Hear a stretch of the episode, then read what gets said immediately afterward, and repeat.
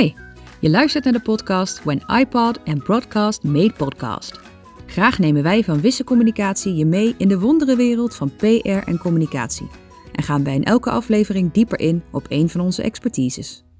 Een van de vaste onderdelen van onze podcast is Markante Communicanten. Een interview met mensen die een niet alledaags merk of product, een bijzondere dienst of zichzelf moeten neerzetten. En dat op een manier doen die opvalt in haar eenvoud, creativiteit, authenticiteit, gebrek aan marketingbudgetten, sympathie of nostalgie.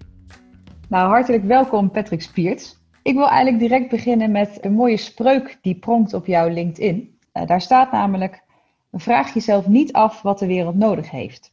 Vraag jezelf liever af wat het is waardoor jij tot leven komt en wat jou gelukkig maakt en breng dat in de wereld. Want wat de wereld nodig heeft zijn mensen die tot leven zijn gekomen. Howard Thurman. Wat maakt dat deze quote van jou toepassing is? Nou, dit is een Amerikaanse filosoof die uh, vanuit het begin van de vorige eeuw uh, deze uitspraak uh, deed. En wat ik in ja, de loop van mijn leven, zal ik maar zeggen, maar van mijn werkende leven gemerkt heb, is dat er ja, heel veel mensen toch ook op zoek zijn naar een soort hoger doel hè, in hun leven. En dat, heel, dat heel groot maken vaak. En hele grote veranderingen willen. En ja, mijn visie op het, daarop is eigenlijk dat je, dat je daar ook heel erg op stuk kunt bijten. Er zijn maar, weinig mensen die volhouden uh, om, om zo'n grote veranderingen voor elkaar te krijgen. Uh, dus wat ik heb geleerd bij mezelf en ook, ook uh, andere mensen graag gun, is dat je dat in kleine stukjes hakt. En dat je eerst eens bij jezelf nagaat van waar word jij nou enthousiast van? En wat leeft er voor bronnen in jou? Wat zijn jouw drijfveren? En van daaruit gaan werken om te kijken of je tot verandering kunt komen. Nou, dat klinkt allemaal heel filosofisch, maar uh, volgens mij krijg je dan veel meer energie en hou je het ook langer vol. En dan word je ook een blijer mens van. En uiteindelijk, ja, als iedereen een blijer mens wordt, dan krijg je een mooiere wereld. Dus dat is een beetje mijn, eh, mijn achterliggende gedachte. Nou, hartstikke mooi. Ja, voor we verder gaan, waar kunnen wij jou van kennen? Nou, het grootste deel van mijn, uh, van mijn tijd besteed ik eigenlijk aan, aan onderwijsprojecten. Maar ik merk dat mensen mij vooral kennen van de Liedjesfabriek. Okay. En de Liedjesfabriek is een, uh, een, een, organisatie die ik uh, ruim tien jaar geleden opgericht heb, met, samen met Leon Winters, een goede vriend van mij. Mm -hmm. uh, en ik zeg altijd dat het een beetje uit de hand gelopen hobby is. Wij zijn een organisatie die bestaat uit muzikanten die de kinderziekenhuizen intrekken om daar met zieke kinderen, en dan ook echt ernstig zieke kinderen, liedjes te schrijven, muziek te maken en leuke tijd te geven om ze even uit, uit dat ziektewereldje te halen. En um, ja, de meeste mensen kennen mij daarvan, omdat dat ook het meest in het nieuws is uh, geweest. En ja. uh, alle andere dingen die ik in, uh, gedaan heb, zijn toch wat meer op de achtergrond. Oké. Okay. Hoe is het idee van de liedjesfabriek ontstaan? Hoe zijn jullie daar opgekomen? Nou, echt heel klassiek. Gewoon in de kroeg op een bierveeltje geschreven. En dat is echt waar. Dat bierveeltje hebben we ook nog. Dat hebben we bewaard. Dat ligt ergens in een kast. Uh, wij zaten op een avond met z'n tweeën te filosoferen over ons werk en onze eigen kinderen. We hadden toen net zelf net hele kleine kinderen. En hoe mooi dat eigenlijk allemaal was, maar ook hoe mooi het is om met muziek bezig te zijn. En dat muziek heel veel losmaakt bij mensen, maar zelfs ook bij hele kleine kinderen al.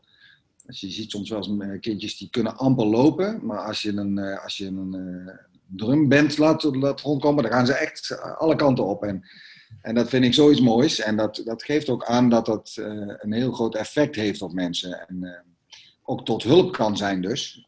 En dat hoor je ook heel vaak van mensen. Van muziek is mijn, mijn reddingsmiddel geweest. Of muziek is, is, toch vaak een goed medicijn. Nou, wij hebben ook als slogan hè, het muzikale medicijn. En wij dachten toen op die avond, laten we daar eens wat mee gaan doen. Gewoon omdat we vinden dat we daar iets mee moeten doen. En dat we dat leuk vinden. Naast ons huidige werk iets met muziek te kunnen doen ja, en zo is het eigenlijk ontstaan. En zo zijn we van het ene en het andere gerold. Eigenlijk via een buurvrouw uit de buurt, die bij het Canische ziekenhuis werkte in Nijmegen. Die zei toen tegen ons van, nou, wij hebben vaak zo'n groep kinderen met diabetes. Uh, die komen dia diabetesmedicijnen halen of spuiten halen. Die komen één keer in de zoveel tijd bij ons. Is het misschien leuk om een keer met hun de muziek te maken. Dat hebben we toen in groepjes gedaan. En uiteindelijk zijn we uh, verwezen naar het kinderoncologiecentrum in het Radboud in Nijmegen. Daar zijn we echt op de kamers muziek gaan maken. Ja, en zo, zo is het allemaal begonnen. Dat hebben we een paar jaar zo op kleine schaal gedaan. En na een paar jaar kwam er iemand uh, die in het Radboud had gewerkt, die nu in Den Haag werkte, bij Juliana Kinderziekenhuis. Die zei van, goh, misschien is het ook wel leuk om het hier te komen doen. Toen was de deur open naar Nederland en uh, nou zitten we in alle kinderziekenhuizen. Dus dat is wel, wel erg mooi. Ja. ja. En hoe gaat het precies in zijn werk? Want er gaat dus een, een, een muzikant, die gaat naar een, een, een kind toe. Uh, zit daar begeleiding bij? hoe, hoe moet ik dat voor me zien? Ja, wij gaan nooit zomaar een kamer op. Wij uh, hebben altijd overleg met de pedagogische afdeling, pedagogische medewerkers in de ziekenhuizen. Die weten dat wij komen. En die weten ook welke kinderen er liggen. En die hebben ook van tevoren al min of meer een rondje gemaakt van, uh, goh, zou je het leuk vinden dat ze langskomen? nou, dan krijgen we dus eigenlijk een lijstje van kinderen door. Dan bezoeken wij op de kamer. We hebben dan een zo, zogenaamde liedjesmachine een grote flightcase met allerlei toeters en bellen en lichtjes en, uh, en snoertjes. De helft heeft geen functie, maar is gewoon leuk om, uh, om erop te hebben. On-air en dan uh, instrumenten. En dan gaan we eigenlijk al zingend de kamers op, of al spelend. En dan gaan we langzaamaan zo met het kind in gesprek over ja, waar, ze, waar hij of zij mee bezig is, waar ze, wat ze leuke muziek vindt, waar ze fan van is. En ehm, of ze eventueel een leuk onderwerp heeft voor een liedje. En gaandeweg schrijven we dan wat. En soms zitten we wel twee uur uh, aan bed. Uh, maar soms zijn we ook na een half uur weer weg, omdat het kind gewoon te moe is. Of dat de arts uh, iets moet doen. Dus het is alles vanuit het, vanuit het kind. Hè? Dus wij, wij dringen niks op. We willen alleen maar even in een andere wereld brengen. Mooi. Als je kijkt naar het imago van de liedjesfabriek, verschilt dat bij personeel, kinderen, het publiek? Ja, kijk, wij zijn maar een hele kleine organisatie. We hebben geen echte uh, communicatieafdeling waarin wij uh, imago meten of iets dergelijks. Dus ik moet dat toch een beetje met vingerspitsengevoel aansp aanspreken.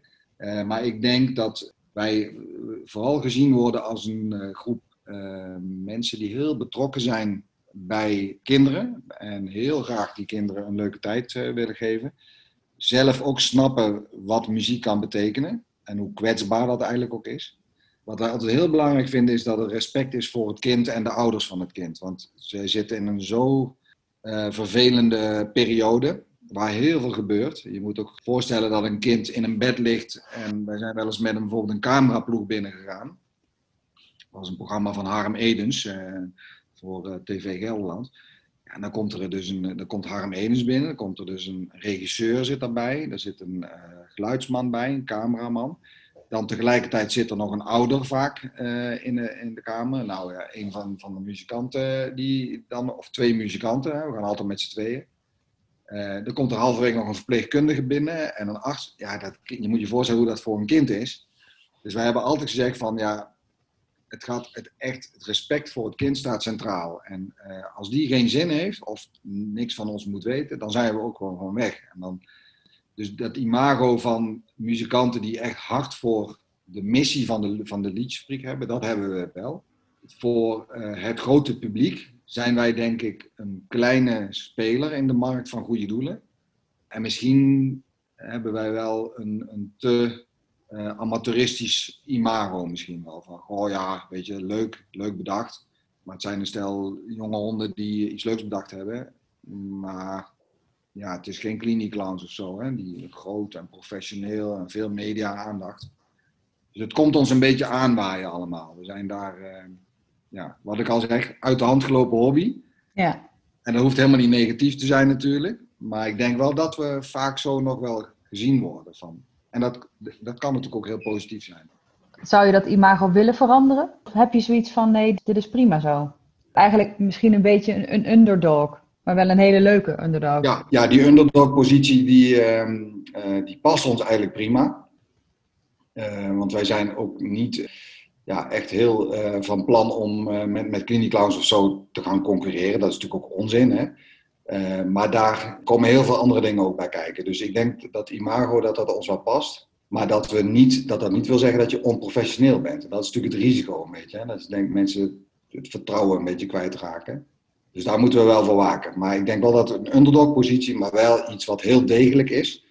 Hè? Wat goed georganiseerd is, wat uh, volgens protocollen en alle keurmerken, want dat hebben we ook allemaal. Uh, dat dat wel goed verantwoord is in ieder geval.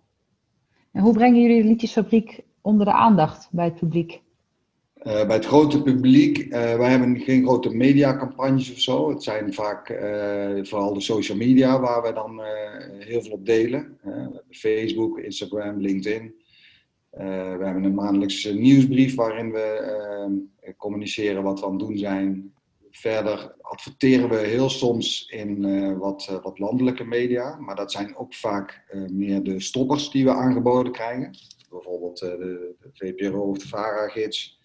Uh, we hebben ook wel in kranten gestaan. We zijn in Hart van Nederland geweest. We hebben veel media-aandacht gehad, met name in de eerste jaren. Uh, maar dat kwam ons eigenlijk allemaal aanwaaien. Dus dat waren gewoon ja, uh, partijen die ons benaderden van willen jullie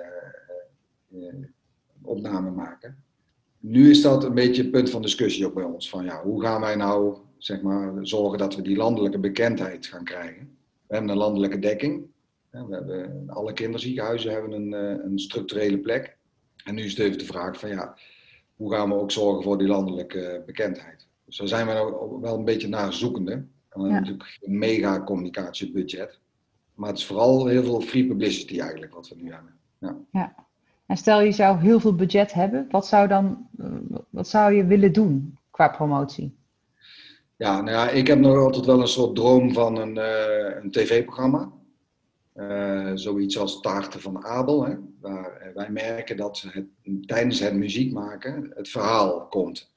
Dat een hele mooie manier is om de aandacht een beetje af te leiden en niet één op één hè, tegenover elkaar te zitten, maar gewoon tijdens, en net zoals Taart van Abel, hè, tijdens het maken van die taart ontstaan er hele mooie gesprekken. En dat is bij het maken van muziek precies hetzelfde. En als ik budget zou hebben, dan zou ik denk ik uh, daar eens op insteken. Dat we daar een soort, soort van programma van maken. Waarin we kinderen volgen tijdens het maken van zo'n liedje. En wat, wat daar allemaal naar boven komt. Dat zijn vaak hele ontroerende en mooie verhalen van kinderen. Ja, mooi. leuk om daar iets van te maken. Ja, zeker. En je had het over uh, sponsoring. Hoe komen jullie daar aan? Is dat ook veel mond op mond, veel via via? Of ja, hoe doen jullie dat? Hoe halen jullie sponsorgeld binnen? Ja, dat zijn heel veel diverse manieren. Want is dat ook uh, vanuit het ziekenhuis? Zijn er vanuit het ziekenhuis ook uh, budgetjes beschikbaar?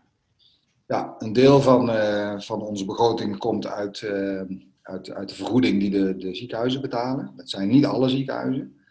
Maar een aantal hebben wel ook veel fondsen daarvoor. Hè? Dus vrienden van stichtingen. Dus dat, dat is een deel van de inkomsten. Uh, daarnaast hebben we donaties die van, vanuit, eh, via onze website of zo komen. Dat is niet veel, want daar zijn we niet bekend genoeg voor. Maar een groot deel komt ook binnen vanuit acties die mensen opstarten. Dus ouders bijvoorbeeld die naar de basisschool gaan waar hun kind zit. Om te zeggen van zullen we een kaartenactie doen, zullen we een, een flesseninzameling doen. benefietacties van bands die een benefietconcert geven mensen die een jubileum hebben, die zeggen van nou, ik, eh, ik krijg een cadeau, maar dat, dat doneer ik aan een goed doel. Dus, kerstpakketten, er, zijn heel veel mensen die acties willen opzetten. Dat zien we wel groeien ook. En dat is eigenlijk heel mooi. Uh, en dat ondersteunen we, daar helpen we bij. En dat varieert ook heel erg in bedragen. Maar dat zijn wel mensen die iets goeds willen doen. Maar voor het grotere geld, zeg maar, kloppen we ook wel bij fondsen aan. Bijvoorbeeld Stichting Europa Run, dat zijn allemaal wel grotere fondsen die ook ja, mee willen betalen aan materialen of instrumenten.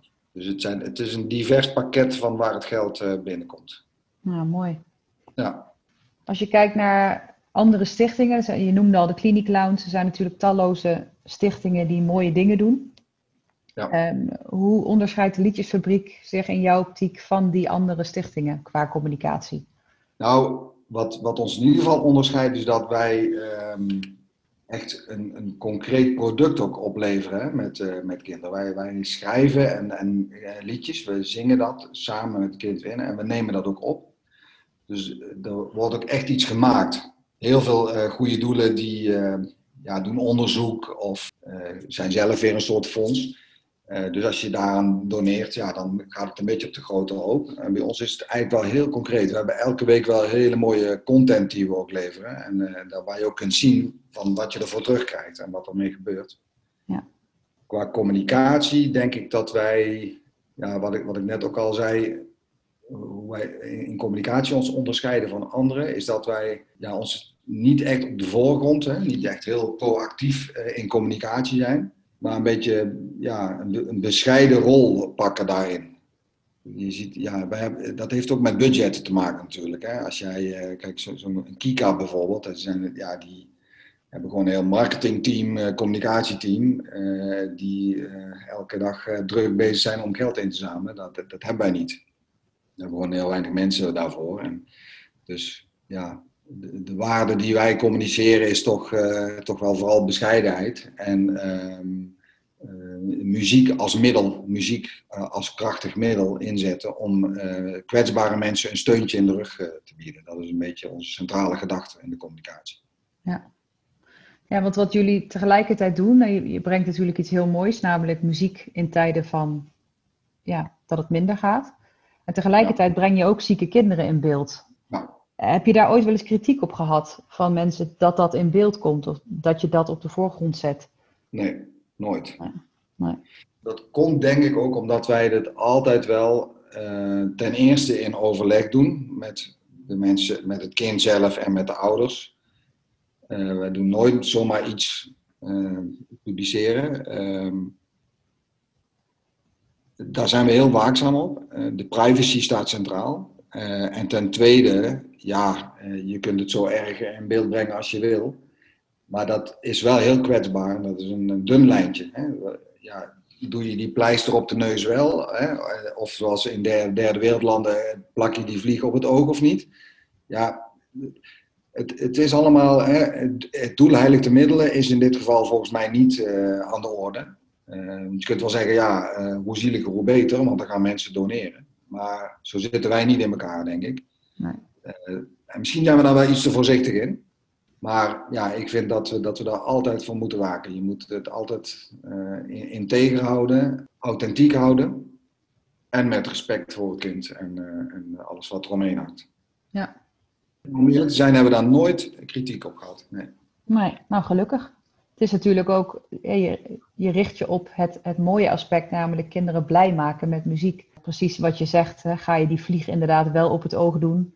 Zoals bij filmpjes uh, van derde wereldlanden. Ja. Ik kan me ook nog uh, campagnes herinneren van Right to Play. En die stichting die kiest er altijd voor om juist blije kinderen in beeld te brengen. Dus ze laten zien wat hun effort doet met het kind. En dat is eigenlijk hetzelfde wat jullie doen. Jullie laten Ja. namelijk zien dat door middel van muziek heb je een blij kind. En ja, het is een kind dat ziek is, maar dat was het ook al voordat het met jullie Ja. eh, aan de slag ging. En het is alleen maar blijer gemaakt door jullie, eh, jullie effort. En dat is alleen maar mooi. Ja, en we laten ook vaak eh, of stukjes van liedjes zien die ze dan zelf geschreven hebben. En dat zijn over het algemeen ook vaak vrolijke liedjes. Want kinderen zijn, willen toch niet graag over hele vervelende dingen een liedje schrijven.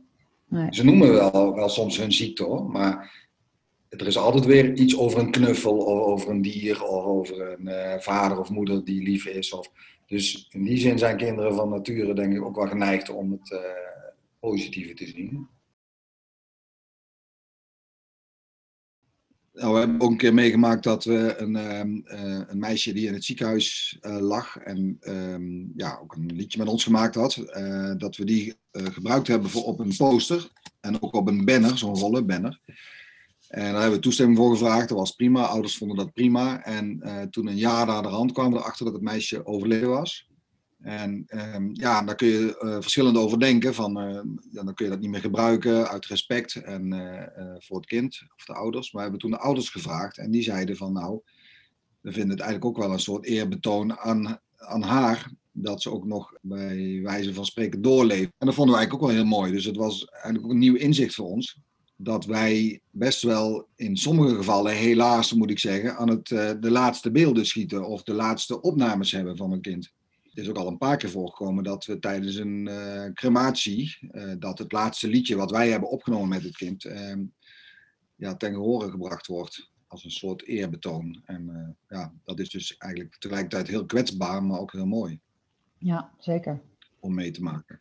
Ja, ja mooi. Maar het blijft altijd een dun draadje van wat breng je in beeld, wat breng je niet in beeld. En ons motto is, zolang je het respect voor het kind en de ouders bewaart en dat in overleg doet met iedereen die daar omheen eh, mee betrokken is, dan, eh, dan kun je het eigenlijk niet fout doen.